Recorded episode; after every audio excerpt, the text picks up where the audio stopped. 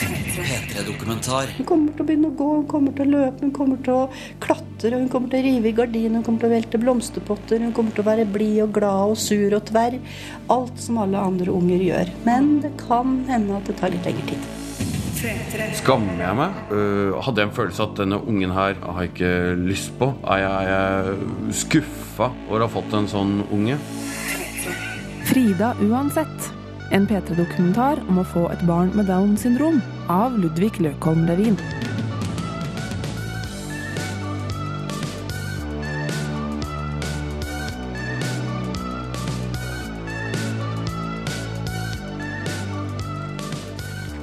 Vi starter i Sofienbergparken i Oslo, og det er vår.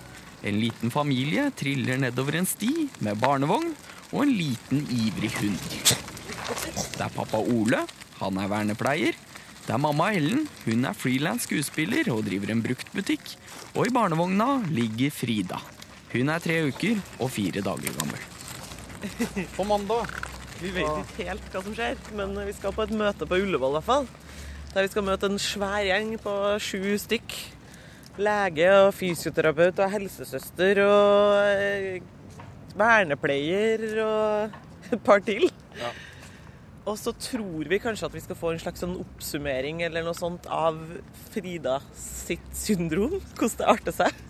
Men vi er ikke helt sikre, da. Men eh, det blir jo spennende å se. Vi skal i hvert fall dit og snakke med dem. Ja. Vi håper vi får kanskje mye svar, men vi veit ikke helt. Ta det litt som det kommer. Vi tar det litt som det kommer. Men hva vet dere til nå? Vi vet egentlig ikke sånn veldig mye. Vi vet at hun har Downs syndrom. Det er jo veldig stor variasjon på Downs også, så vi vet liksom ikke helt hvordan hun ligger an i løypa der, da. Så det er jeg litt spent på om vi kanskje får høre noe på mandag. Vi kommer hjem til Ole og Ellen i en koselig leilighet på Grünerløkka. Hele familien sitter i sofaen bare noen få meter fra der de satt, da de merka at fødselen var i gang. På det tidspunktet visste ingen noen ting om Fridas tilstand. Vi satt eh, der ved stuebordet og spiste taco på en fredag. Og så begynte jeg å få litt sånn vondt, og så skjønte jeg ikke helt hva det var. For jeg har aldri født før, så jeg skjønte ikke at det var ria.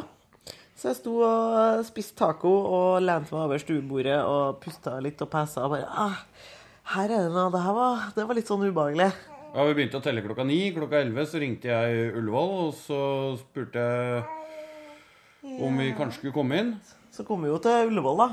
Og da hadde jeg 8 cm åpning, så jeg var jo dritlangt på vei. Jeg.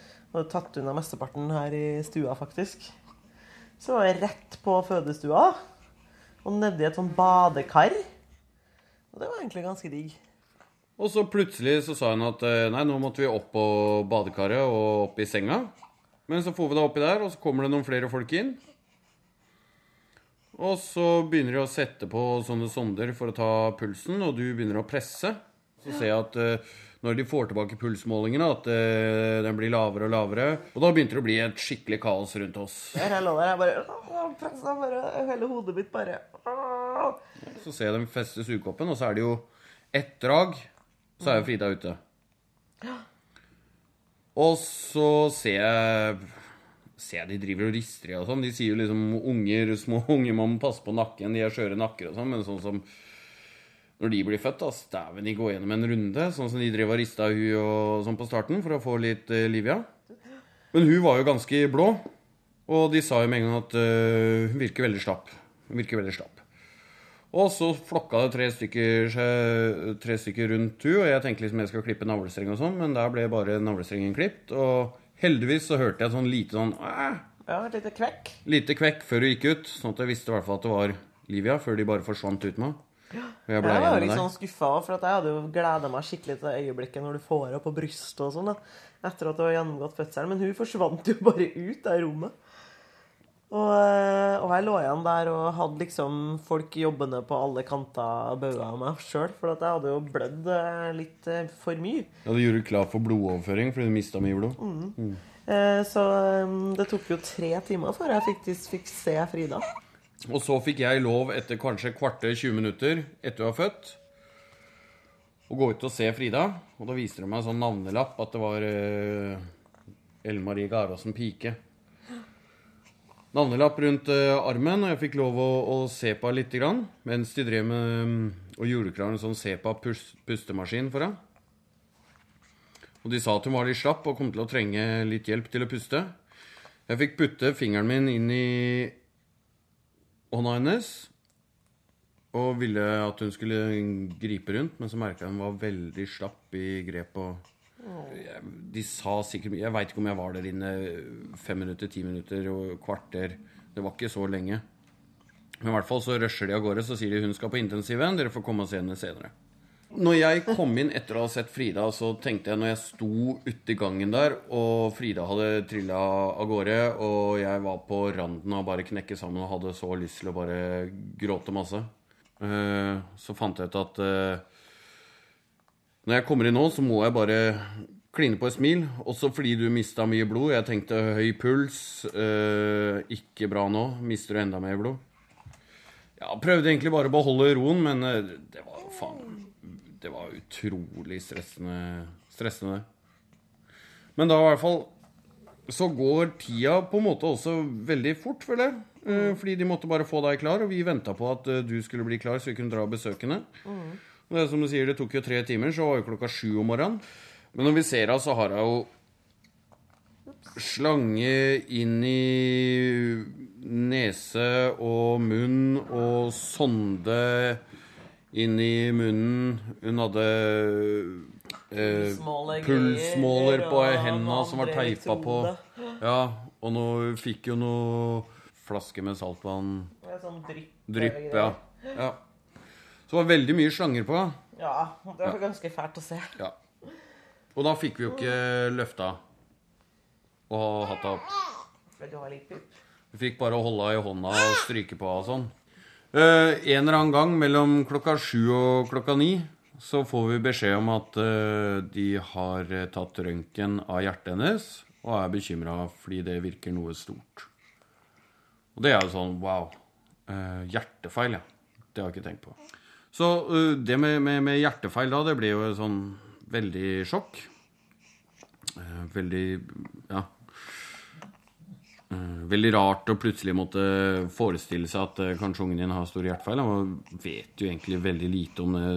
Hvor mye kan man gjøre med uh, unger med hjertefeil? Hvor mye kan man operere, eller hvor mye behandling fins det? Men Man må se for har- den bitte lille babyen som skal opereres og sånn. Det, det Uff, det Det er fælt å se for seg. ja. I tre timer får Ellen og Ole slappe av litt, og de tenker mye på hvor alvorlig hjertefeilen kan være. Og først klokka fire dagen etter blir de kalt inn til et møte med en lege og en sykepleier. Og der får de en klar beskjed. Hjertespesialist har sett på hjertet, tatt ultralyd av hjertet. Ikke noe problem med hjertet.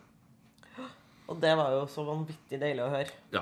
Da husker jeg bare begynte å grine. Bare, ja. Det bare rant sånn umiddelbart tårer. For mm. sånn, ok, det var sånn utrolig lettelse. Ja. Ja, han blir veldig glad for det. Og vi tenkte ja, å, så deilig. Eh, Så fortsatte de å prate litt, og så begynte de å snakke om eh, eh, at det er eh, mange her med lang erfaring som har sett mye Selvfølgelig mange unge før, og det er veldig profesjonelle folk som gjør eh, gode observasjoner. Og de hadde jo sett da at eksempel eh, Det her er én av mange ting.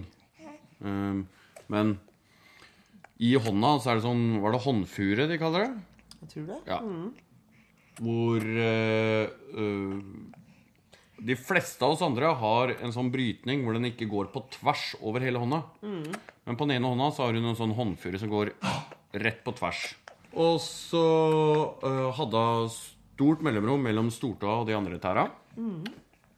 Eh, Og fortsatt så skjønner vi liksom ikke Nei. helt hva snakker om, for at du snakker om noen forskjellige sånn kjennetegn de har lagt merke til. da.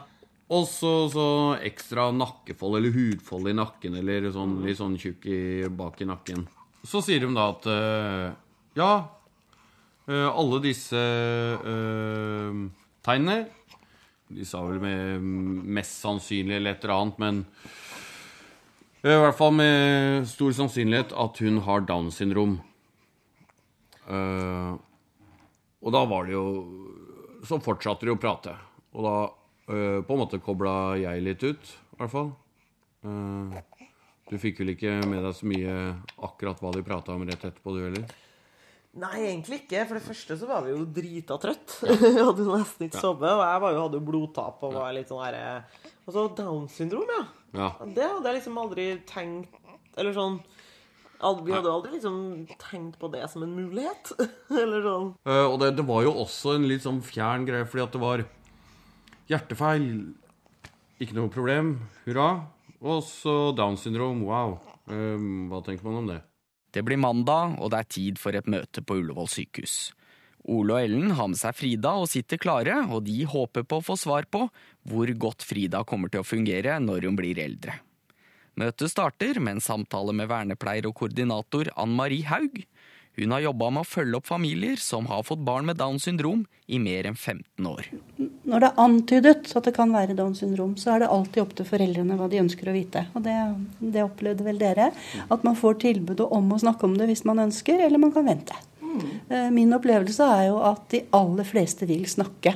Jeg tror knapt jeg har opplevd at man sier nei, dette venter vi med. For selv om man føler det der og da, så vi vil ikke forholde oss til det. Jeg tror ikke det er Downs syndrom, legen tar nok feil. Eh, Så eh, er det spørsmål man har. Det er ting man lurer på. Igjen, det kan sikkert dere bekrefte. Og jeg tenker at denne diagnosen er en diagnose som eh, Eller det er et syndrom som vi gjerne kaller mulighetenes syndrom. Fordi vi vet at det er så mye å hente hos disse barna. Og vi vet jo at de siste årene så har det skjedd enormt mye. Det er ikke barna som, det er ikke kromosomene som har endret seg. Eh, Trisomi 21 og Downs syndrom er som det alltid har vært. Men man har jo ulike tiltak som man setter inn nå, som gjør at utviklingen blir veldig mye bedre. Den utviklingen har nok vært der før også, eller mulighetene har vært der før, men man har kanskje ikke satt inn de samme tiltakene. Vi vet jo nå at vi er mye raskere ute med å, å gi barnet fysioterapi. Man er raskere ute i forhold til å tenke kommunikasjon. En kjempeviktig eh, bit i disse barnas liv. Um, at de får kommunisert på sin måte. Eh, vi vet at hos barn med Downs syndrom så kommer den verbale utviklingen noe senere. Ja, det blir spennende. Vi snakka akkurat om i går at vi liksom, hvor, hvor stort det øyeblikket er når barnet sier liksom mamma eller pappa for første gang. Det kan hende at det kommer litt senere for Frida, da, men uh, vi gleder oss jo til det. Ja. Det blir stort. Uh, Vi sier at barn med Downs syndrom er litt senere i all utvikling. Det gjelder fysisk utvikling, det gjelder språk, men det kommer. Eh, Men i den perioden mens man venter, så er det viktig at man er tydelig med barna. Så de får muligheten til å svare 'vent på henne'. Det er liksom et av de første rådene vi gir. Ikke, ikke snakk til henne, og så er dere borte før eh, hun får mulighet til å gi en respons. Det er kjempeviktig, og det er det første rådet vi gir. Vent på henne. Gi henne tid. Og så kommer det. Det kommer. Alt kommer. Hun kommer til å begynne å gå, hun kommer til å løpe, hun kommer til å klatre, hun kommer til å rive i gardiner, hun kommer til å velte blomsterpotter, hun kommer til å være blid og glad og sur og tverr. Alt som alle andre unger gjør. Men det kan hende at det tar litt lengre tid. Det er Rett og slett sånn lengre latenstid. Ja. Og så er det jo sånn at hun er jo et produkt av dere. Sånn at det dere er glad i, det dere liker, det dere gjør, det vil antagelig hun også bli glad i. Så, så tenk, hva, hva, hva vil dere med henne? Så hun er et produkt av dere. Og når jeg sier det, så tenker jeg Det er liksom først eh, Det er først Frida. Og så er hun datter, og så er hun barnebarn, og så er hun niese, og så er hun venninne, og så har hun Downs syndrom. Jeg syns det er kjempeviktig, for det er det dere viser av henne utad. Ja. Den er Downs syndrom-barnet. Det blir helt feil. Etter hvert kommer det flere. Lege, helsesøster, fysioterapeut og en koordinator fra bydelen. Ja, Anne Haga heter jeg altså. Jeg er lege her på nyfødtintensiv. Det var en litt tøff start for Frida. Legen går systematisk gjennom utviklinga til Frida helt fra fødselen av. Det er vanlig at barn med Downs syndrom har andre følgelidelser, dvs. Si sykdommer som hjertefeil, epilepsi, grå stær og en god del andre lidelser som følger med syndromet. Og Frida har tatt en rekke tester, men de har ikke funnet noen følgelidelser. Etter møtet får Frida en ekstra sjekk der legen lytter på pust og puls, og Ole og Ellen kan spørre om ting de lurer på. Ja, fordi vi har jo vært på øh, tre ultralyder. Og så bare lurte jeg på sånn generelt sett, er det noe man må spørre om? Må det ta spesielle tester for å se om barn har Downs syndrom? For vi trodde at det bare var sånn at man så etter det på ultralyder.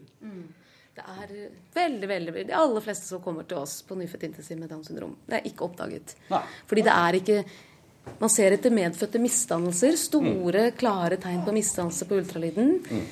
Eh, og det finner man stort sett ikke. Så det er eh, Ja, for I media nå så virker det litt sånn som at eh, går det på ultralyd, så har du en garanti. Da blir er dere ikke barn med Det er mange, mange, som, Mm. mange, mange som er skuffet og kommer hit, og at vi gjorde jo alt vi kunne for å få vite at det ikke var det. Og Mm. så er det fortsatt bare en sannsynlighet at det vil Selv om sannsynligheten er liten, så er den jo der. Og Mm. man har fortsatt en mulighet for å få et barn med Downs syndrom, og det gjelder, gjelder oss alle, som sagt. Ja. Mm. Nei, men lykke, lykke, lykke til videre. Jo, takk, takk. Ja. Møtet går mot slutten, og Ole og Ellen får masse informasjon. Men de har kanskje ikke fått svar på det de lurte mest på.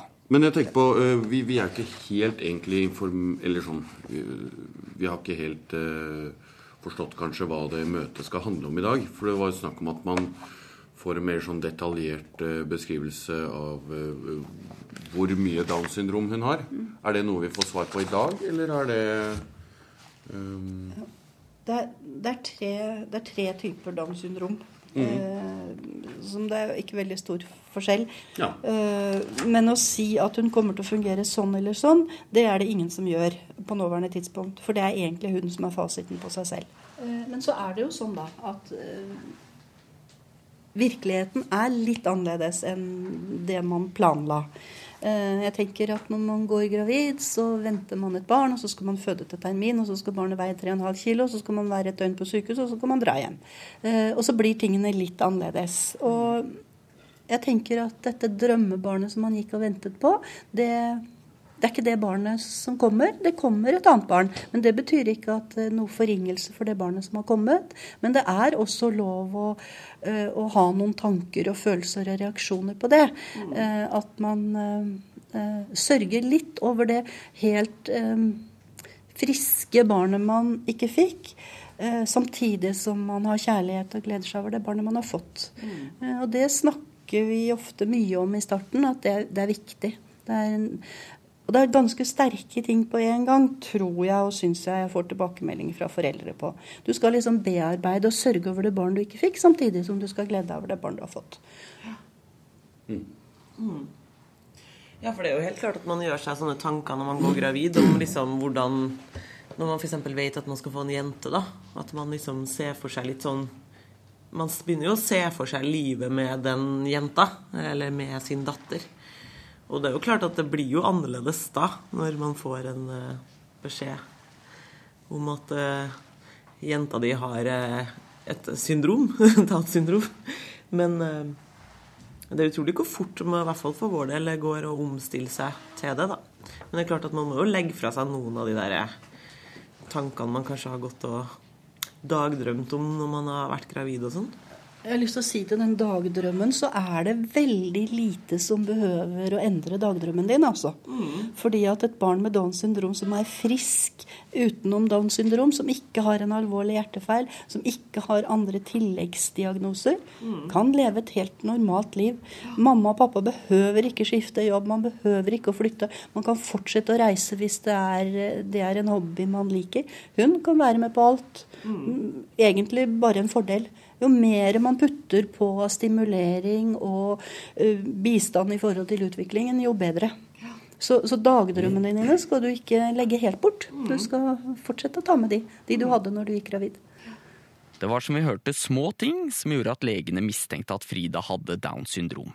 Det var en håndfure som gikk tvers over hånda, det var store tær som pekte litt innover, og det var en ekstra hudfold i nakken. Men de kunne ikke være helt sikre før de hadde tatt en blodprøve. Allikevel gikk Ole og Ellen ut fra at legene hadde rett i sine antakelser. Det, er så mye inntrykk at det blir så overveldende å få vite der òg. Det er jo million ting allerede man tenker på. Og så kommer det og på en måte kompliserer hele tankegangen enda mer. Og man er trøtt, og man er sliten, og Så, så Jeg må si at eh, sånn umiddelbart så var det ikke noe sånn der, Ja, ja, ikke noe problem. Og, Nei, Man går jo inn i en sånn type sjokk eller Jeg vet ikke, litt sånn derre Hva? Down syndrom? Eh, oss, liksom?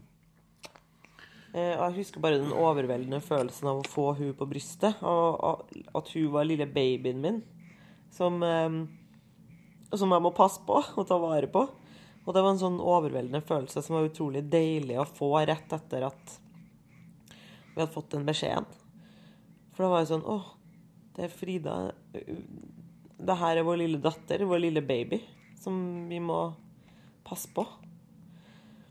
Og så etter at vi hadde vært der, så gikk vi tilbake på rommet, og da husker jeg at du gikk ut for å ta deg en røyk. Og så lå jeg igjen, og da jeg, hadde jeg veldig sånn kaotisk tanke, eller sånn Jeg vet ikke helt hva jeg tenkte engang. Jeg husker bare at jeg lå i senga sånn derre Jeg husker nesten ikke hva som gikk gjennom hodet mitt engang, for det var sikkert bare alt og ingenting. Men det må jeg si, sånn som du sier med det med å få en på brystet, det var, det var jo veldig spesielt det òg, men det, det er der, der ble det jo litt sånn derre gleden over det å få barn. Da, da ble det jo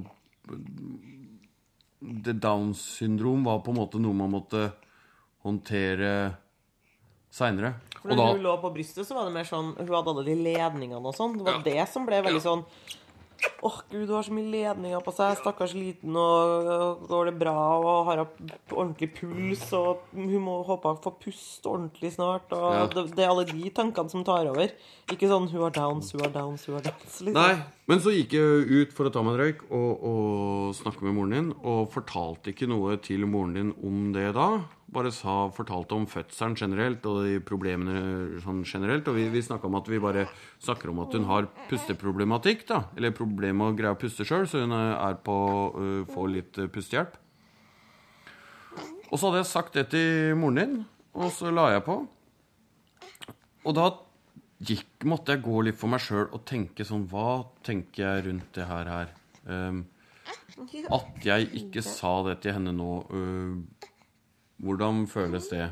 Uh, nå føler jeg at jeg har ljuget om noe. Og hvorfor har jeg ljuget om det? Skammer jeg meg? Og måtte kjenne virkelig etter om på en måte følte jeg skam, eller tenkte jeg at det her denne Følte jeg at øh, Hadde jeg en følelse at denne ungen her har ikke lyst på, hvis man skal si sånn? Eller er det, er det er den uønska hos meg, eller er jeg, er jeg skuffa over å ha fått en sånn unge? En sånn unge. En unge med Downs syndrom. Um, men uh, Det var vel da i løpet av én røyk, to røyk, tre røyk, når jeg traska rundt der det, Ting går bare Blir bare en sånn surr av tid. Men um, hvor på en måte en sånn bryter bare slår over, og det går en sånn veldig lettelse gjennom kroppen. Da. At jeg bare tenker at uh, nå må jeg bare skjerpe meg. Fordi at vi har en uh, liten datter der oppe på intensiven som trenger vår uh, kjærlighet og omsorg, og som trenger en mamma og pappa uansett samme. Så her må jeg bare skjerpe meg og, og ja, bare omfavne det som har skjedd. Da. Det er jo at det er helt fantastisk. Vi har fått en helt nydelig datter. Og ting har jo Ting er jo gått så bra. Alle har det jo for så vidt bra. Og da kom jeg opp på rommet der hvor du var, og du hadde snakka med faren din. Og det var jo veldig deilig når eh, da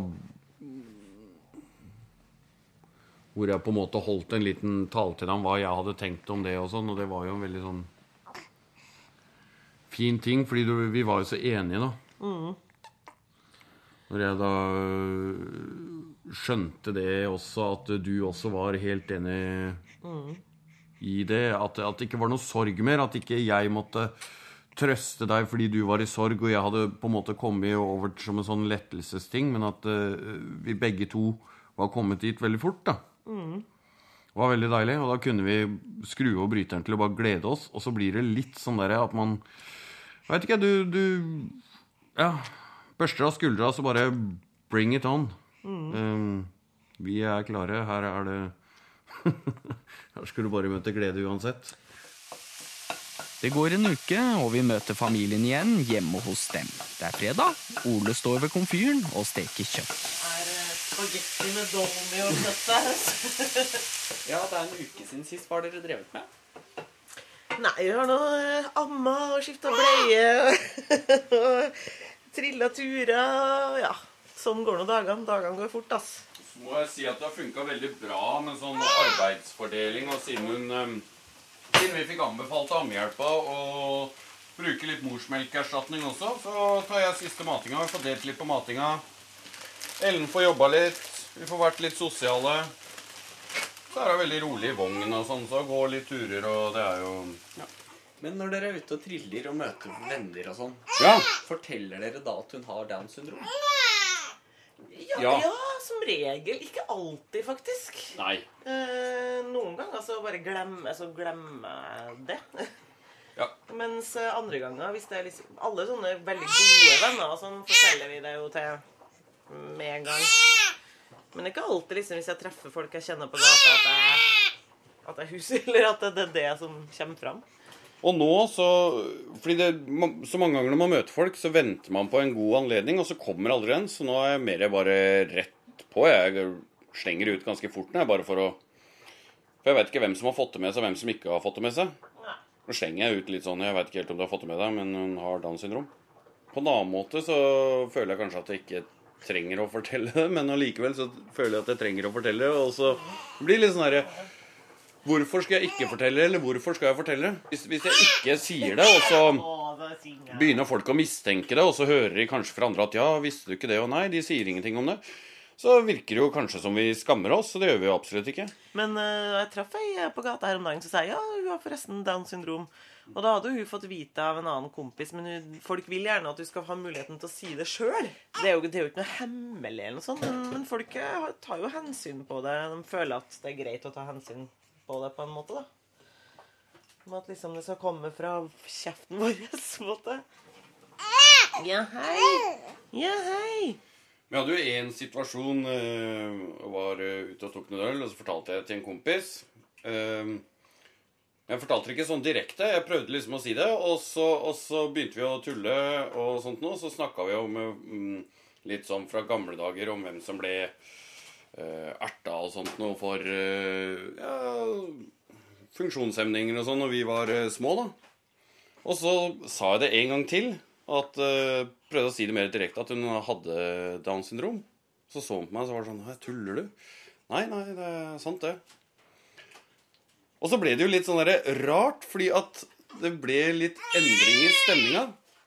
For nå er det Jeg må jo ærlig innrømme, man har jo tulla med mye rart og, og sånt noe. Man har jo slått liksom øh, Down syndrom-vitser og diverse, men, men er det greit nå? Hvor, hvor går grensa nå? Hvor, hvor mye kan jeg snakke om det før på en måte jeg Mobber jeg mitt eget barn da? Jeg vet ikke. Uh, og det uh, hvor, hvor går grensa for øh, hvor mye kan man tulle med Downs nå? Hva tror du, Ellen? Er Jeg vet ikke helt. jeg. Jeg tuller jo litt med det. Jeg har en kompis som vi tuller veldig mye om alt. Og vi tuller jo litt med det, men jeg merker at jeg syns det, det er sånn Jeg vet ikke, det, det er litt vanskelig å tulle masse med det, faktisk. Ja. For at det, det er liksom sånn Jeg syns jo egentlig alt kan tulles med, men det blir litt mer sånn Jeg vet ikke, jeg har ikke helt kommet dit enda at jeg tenker sånn Skal jeg slå en skikkelig downs-vits, liksom? Det, ikke, det, det, det føles litt rart. Eh, og jeg har jo spøka litt med det sjøl, med sånn derre bytte ut små ord i sangtekster også, eller putte inn downs, liksom. Så, så Vi har jo kødda litt oss imellom. Ja, ikke sant? Fall. mm.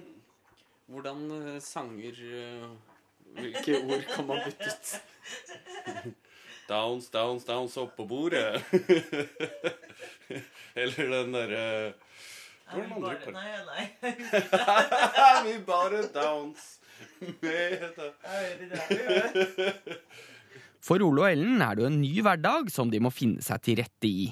Noen ganger er tonen lystig som her, men det kan variere en hel del. Etter middagen flytter vi oss over til sofaen i stua. Nei, for jeg tenker sånn For eksempel fjortistida, når, når jeg blir eh, fjortis, da. Og, og man på en måte Plutselig så er det jo alkohol. Plutselig så er det jo snakk om eh, sex, plutselig skal på konserter, aleine på byen eh, da, da, da, da. Alle de her tingene her tenker jeg altså på. Men Frida med Downs syndrom Ok, eh, hvordan er det? Eh, når, når begynner hun å snakke om alkohol? Eh, Når begynner hun å snakke om mm. sex? Er hun, hun På en måte så tenker jeg hun er mer skjerma. Men jeg tenker Sånn- sånn, La oss si at hun blir sånn kjempeforelska i en gutt, da. Og så blir det, hun blir kjempelei seg for at liksom hun har blir ulykkelig lykkelig forelska og kan liksom Og han kanskje ikke er interessert, da, for at hun har Downs syndrom eller noe sånt. Men samtidig så tenker jeg sånn Ja, jeg var også ulykkelig forelska i årevis når jeg var fjortis. Um, Sjøl om jeg ikke hadde Downs syndrom, og det er fordi at den gutten ikke var interessert i meg. Så det, det er jo veldig mye På en måte så er det mye det samme. Men- Sjøl om det har et annet element. Så, så Men hva, hva, hva gjør du med ditt barn med Downs syndrom da? Uh, hvis du vet at på en måte Fredrik i klassen er kjempeforelska i Fredrik uh, Fredrik har også lagt merke til at hun har Downs syndrom. Og, og kan man Når skal man prate med henne om hennes syndrom og forhold til hvordan det påvirker verden rundt henne og hennes relasjon til andre mennesker? Men det er jo veldig sånn Pluss at eh, når man har sånne bekymringstanker også, så tenker man jo også at man kan jo ikke vite. Det eneste vi vet, er at vi aldri ville vært hun lille her foruten. Det er liksom det eneste vi vet nå. At vi At hun så langt har eh, liksom berika livet vårt eh, uendelig mye.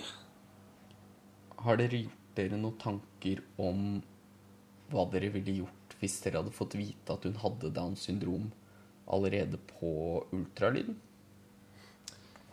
Aner virkelig ikke. Nei. jeg må jo si at jeg er letta for at vi ikke fikk det. At vi slapp å i det hele tatt eh, forholde oss til det. Mm, veldig glad for at vi slapp det. Hva jeg ville tenkt forhold til uh, Nei, det Nei. Det det er nærmest umulig. Det er så umulig å svare på. Jeg vet med meg selv at det ikke er noe prinsipielt for eller imot. Jeg ville tro at uh, vi Jeg ville tro også du ville, at vi ville blitt enige om at vi beholder barnet. Ja. Det er dagen etter, og vi er i Birkelund. Det er en grå og kald dag, og det står tre stykker med sporty klær og venter på dem. Det er Katrine og Eivind Eidslott som har med seg datteren Madikken. Hun flyr rundt i parken og leker med hunden. Hun er ni år og har Downs syndrom. Sammen holder ekteparet foredrag om sine foreldreopplevelser for folk som nettopp har fått barn med Downs syndrom. Og Eivind skriver for tiden en bok om samme tema. Selv om hver enkelt naturligvis har sin unike historie, har de gjort seg en hel del interessante erfaringer gjennom ni år. Jeg tenkte veldig mye på framtida. Jeg tenkte sånn 20-30-40-50 år fram i tid. Og fikk alle slags bilder da på at uh, framtida ville bli annerledes enn det vi hadde sett for oss. Jeg hadde alt, alt fra tanker om at jeg måtte kanskje uh, skifte jobb og flytte til et annet sted. Og slutte med fritidsinteressene våre og kanskje vie all vår tid til, eh, til Marikken. Altså man tenker gjerne at man ikke altså man tenker ikke at man skal få et barn med navn. Man håper at, alt, at barnet er velskapt og at det går fint. Så dveler man gjerne ikke så mye. Jeg gjorde i hvert fall ikke det, da. Eh, Sånn at, sånn at for, Så hvis på en måte prate litt om den første fasen, da, hvor man kanskje går fra sjokk og tristhet til å kanskje bli vende det om til å bli mer og mer glad i barnet. da.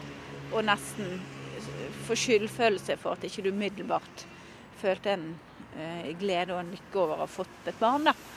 Så, eh, sånn at den eh, fasen der er veldig eh, Hva skal jeg si En tøff periode, men også veldig fin, da.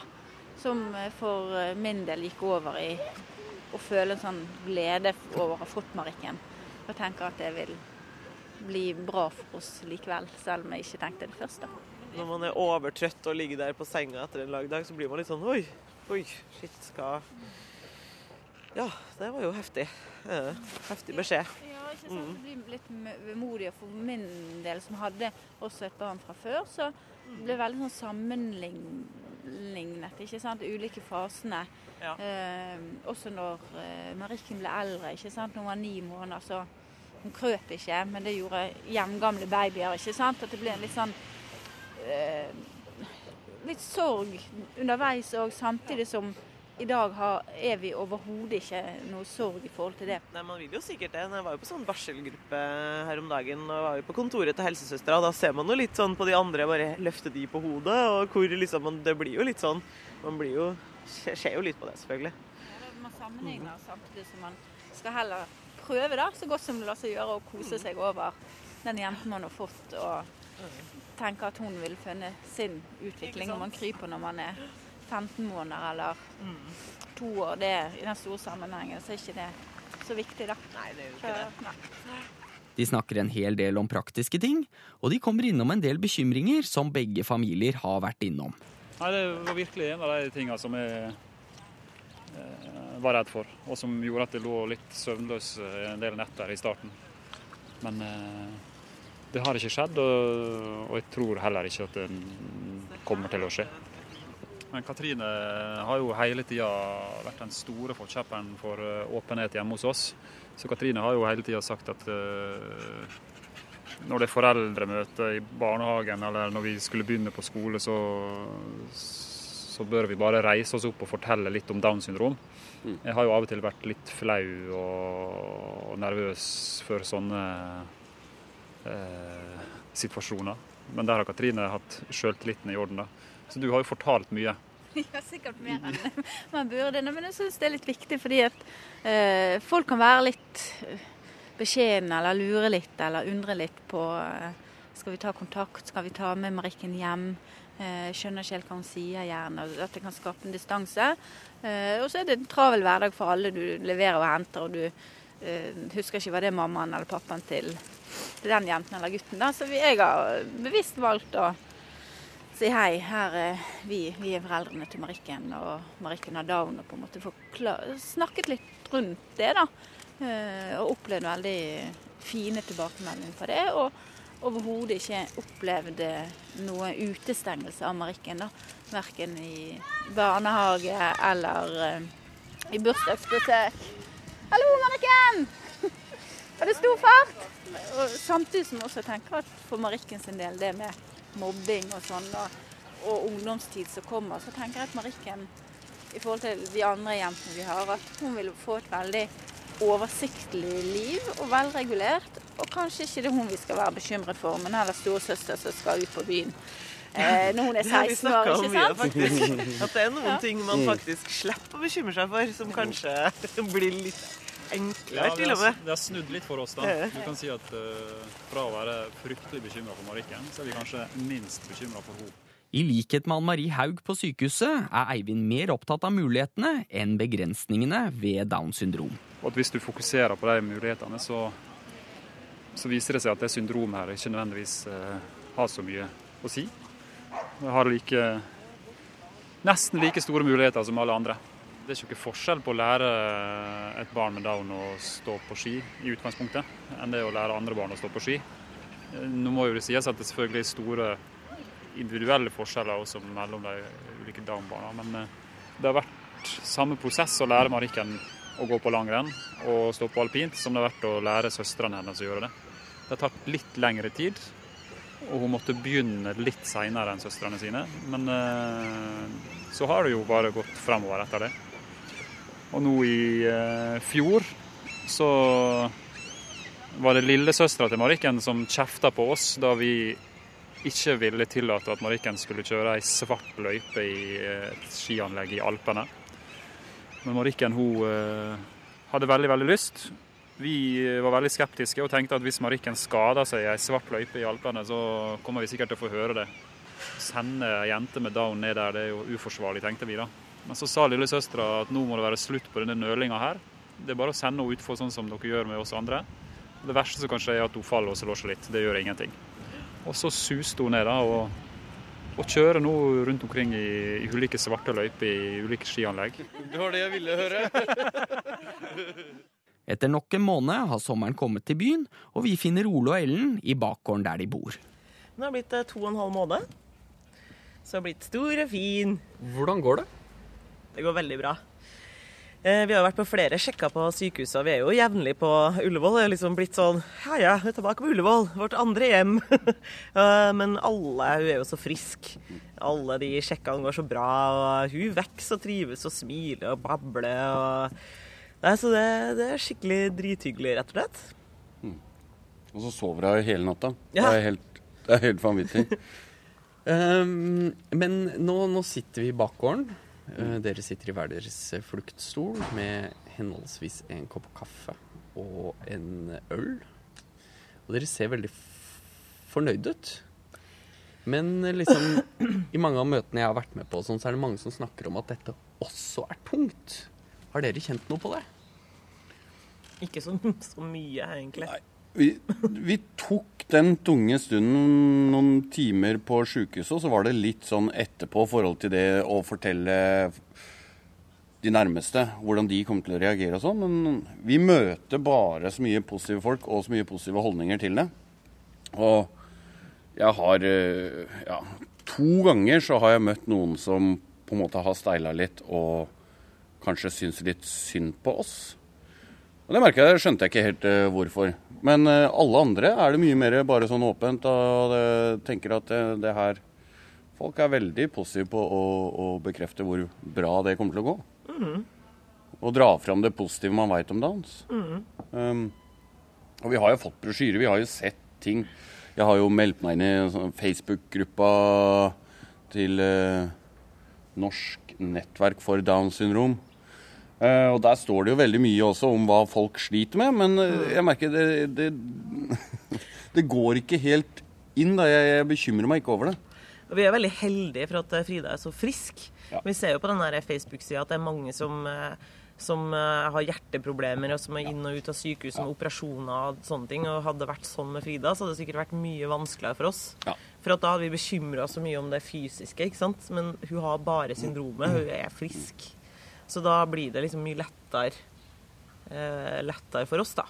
Så det er jo mye verre for de som sliter med alle de tilleggstingene, vil jeg tro. Ja, det er akkurat det, og det er det jo mange som gjør. Mm. Og jeg ser også der eh, folk eh, sliter med at uh, ungene ikke sover, og hjerteproblemer, ikke sant? leukemi, alt det. Det går ikke an å forestille seg det når eh, barnet ditt har alle de her eh, tilleggsproblemene, og vårt barn har, eh, som man kan si sånn, på en måte enn så lenge bare dans.